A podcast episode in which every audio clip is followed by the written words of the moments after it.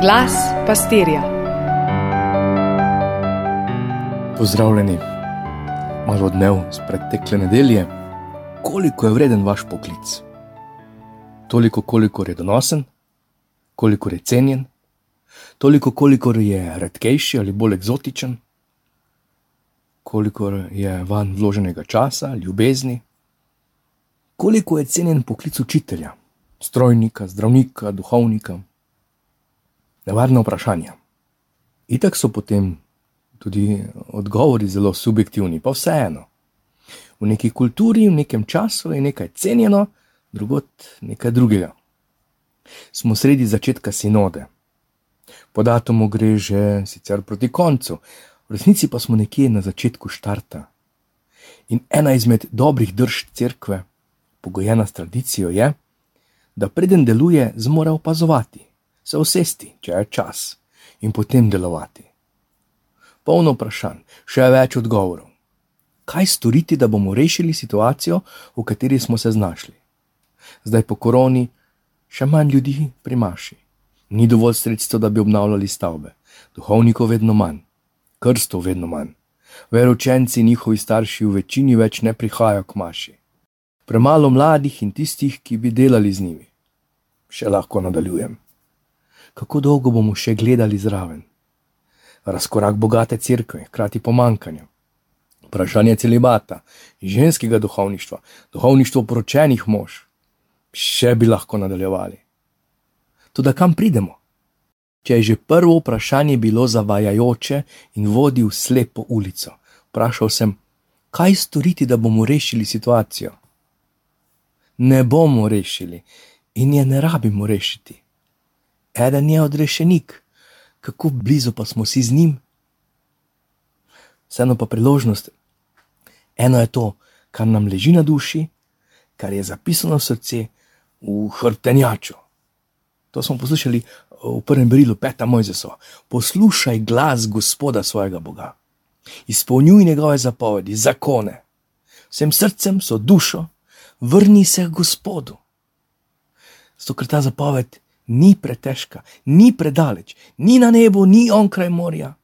Pa smo šli skozi nebo, pa smo šli na onkraj morja. Ta zapoved pa je blizu tebe v tvojih ustih, v tvojem srcu in jo lahko izpolnjuješ. Katera zapoved? Ptički čivkajo, in potem se pojavi doktor prava, ki Jezusu postavi za juda čisto pravno vprašanje. Bolj osnovno, kot če bi danes nekdo vprašal, kaj naj naredim, da bom dober kristjan. Ker se zdi, da smo tudi mi že popolnoma prilagodili krščanstvo ali pa definicijo ali pa tudi pozabili, kaj je to kristjan. In situacija, Jezus začne zgodbo, ki jo bodo vsaj delno vsi razumeli. Začne z nekim človekom, ki gre iz Jeruzalema v Jeriho. Pot je dolga skoraj 30 km, torej pot enega dne. Spustiš se pa tudi preko tisoč metrov nadmorske. In kar je, odhajaš iz prestolnice, iz svetega mesta na periferijo, na pot puščave, na pot srečevanja z mnogimi, drugačnimi, z nepridipravi, drugačnimi, ki se kot se pa potikajo po velikem mestu. Možnost za ostati brez vsega, pa tudi možnost za uspeh. Možnost, da na poti spoznaš koga ali pa te pokončajo. Ta možakar torej je očitno jut in na poti naletel na razbojnike, kar niti ni bilo tako nenavadno. Kdo še danes ni doživel kakšnega razočaranja? da bi kaj izgubil, pa ne dobil nazaj, ali da so ga prevarali, nalagali, ali se je preprosto pokazalo, da nekaj ni to, kar je izgledalo, da je. Nekdo se uči in uči, pa mu ne uspeva, drug tako zgleda, pa z levo roko opravi. Nekdo si prizadeva za dober način življenja, pa ne gre. Enemu ne v partnerskih odnosih, drugemu ne v zdravju, nekomu ne s prijatelji, nekomu ne v službi. To se dogaja na poti našega življenja. Razbojniki so na vsakem koraku in ta možakar je na poti.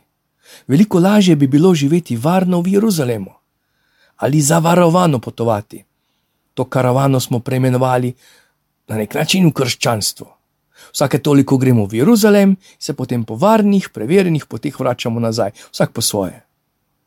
Podobno se je zgodilo tudi duhovniku in levitu, temu prvemu svečeniku, služavniku Gospoda, sredniku med Bogom in ljudmi, medijo transcendentnega, presežnega, in pa drugemu pravniku, poznavalcu postave, zagovorniku črke, varohu zakona.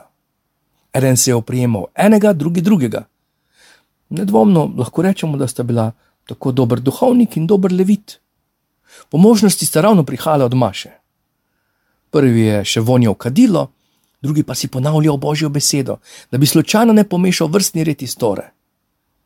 Oba sta na poti videla obogega, videla sta ga, morda tudi začutila zadrego, a je to presegalo njune kompetence, njuno poslanstvo, njuno poklicanost, njun poklic, srčnost, vero, ljubezen. Morda bi kot mlada še priskočila na pomoč. Toda svet je krut, dobrota je sirota, kdo pa meni pomaga? Vsak skrbi samo zase.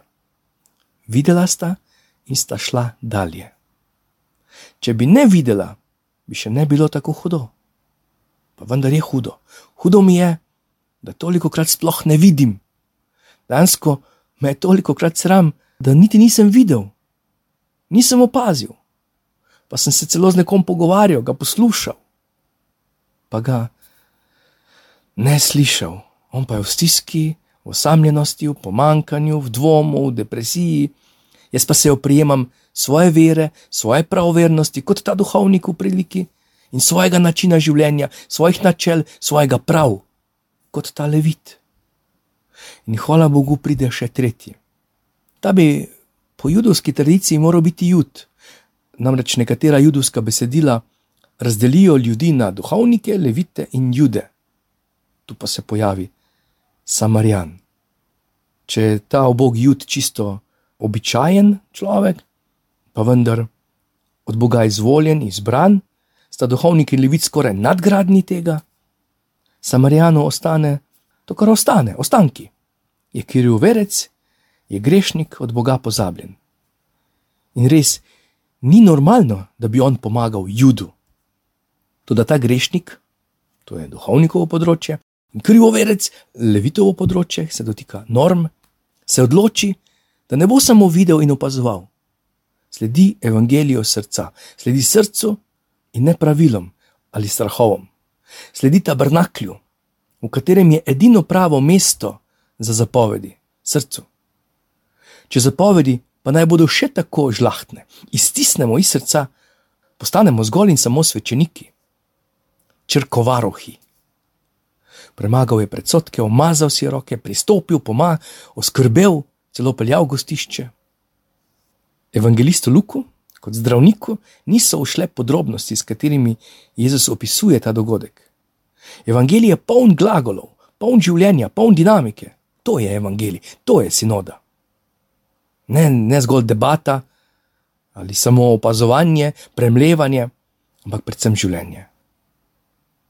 Če smo prejšnjo nedeljo čutili veselje ob učencih, ki so se vrnili in navdušeno pripovedovali, kaj vse smo doživeli, ko so oznanjali. Nas današnji evangelij ne more pustiti ravnodušnih, ni še konec. Morda smo res z besedo koga navdušili.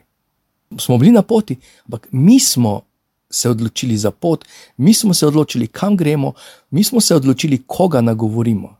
Zdaj pa je pred nami situacija, ki preseneča teh ubogih, poteptanih, zaničevanih, manj vrednih je toliko. Tudi sami smo kdaj med njimi in so oddaljeni.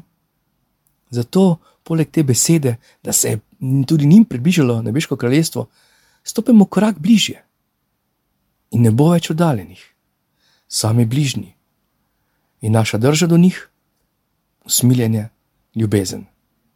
In večna dilema, bom varno krščanski ali krščanarski, kot nam večkrat rečejo, ali v stiku z bolečino in usmiljeno, nepravoveren, kot je bil Samarjan. Naj bo naše krščanstvo glagol, ne dejstvo, naj bo ranjeno, ampak živo, naj bo ljubeče, bolj kot lepo. Pa vam v tednu izjemnih priložnosti, živeti in biti deležni življenja, privoščim tega spusta iz Jeruzalema v Jeriho. Se vidimo na poti. Vse dobro.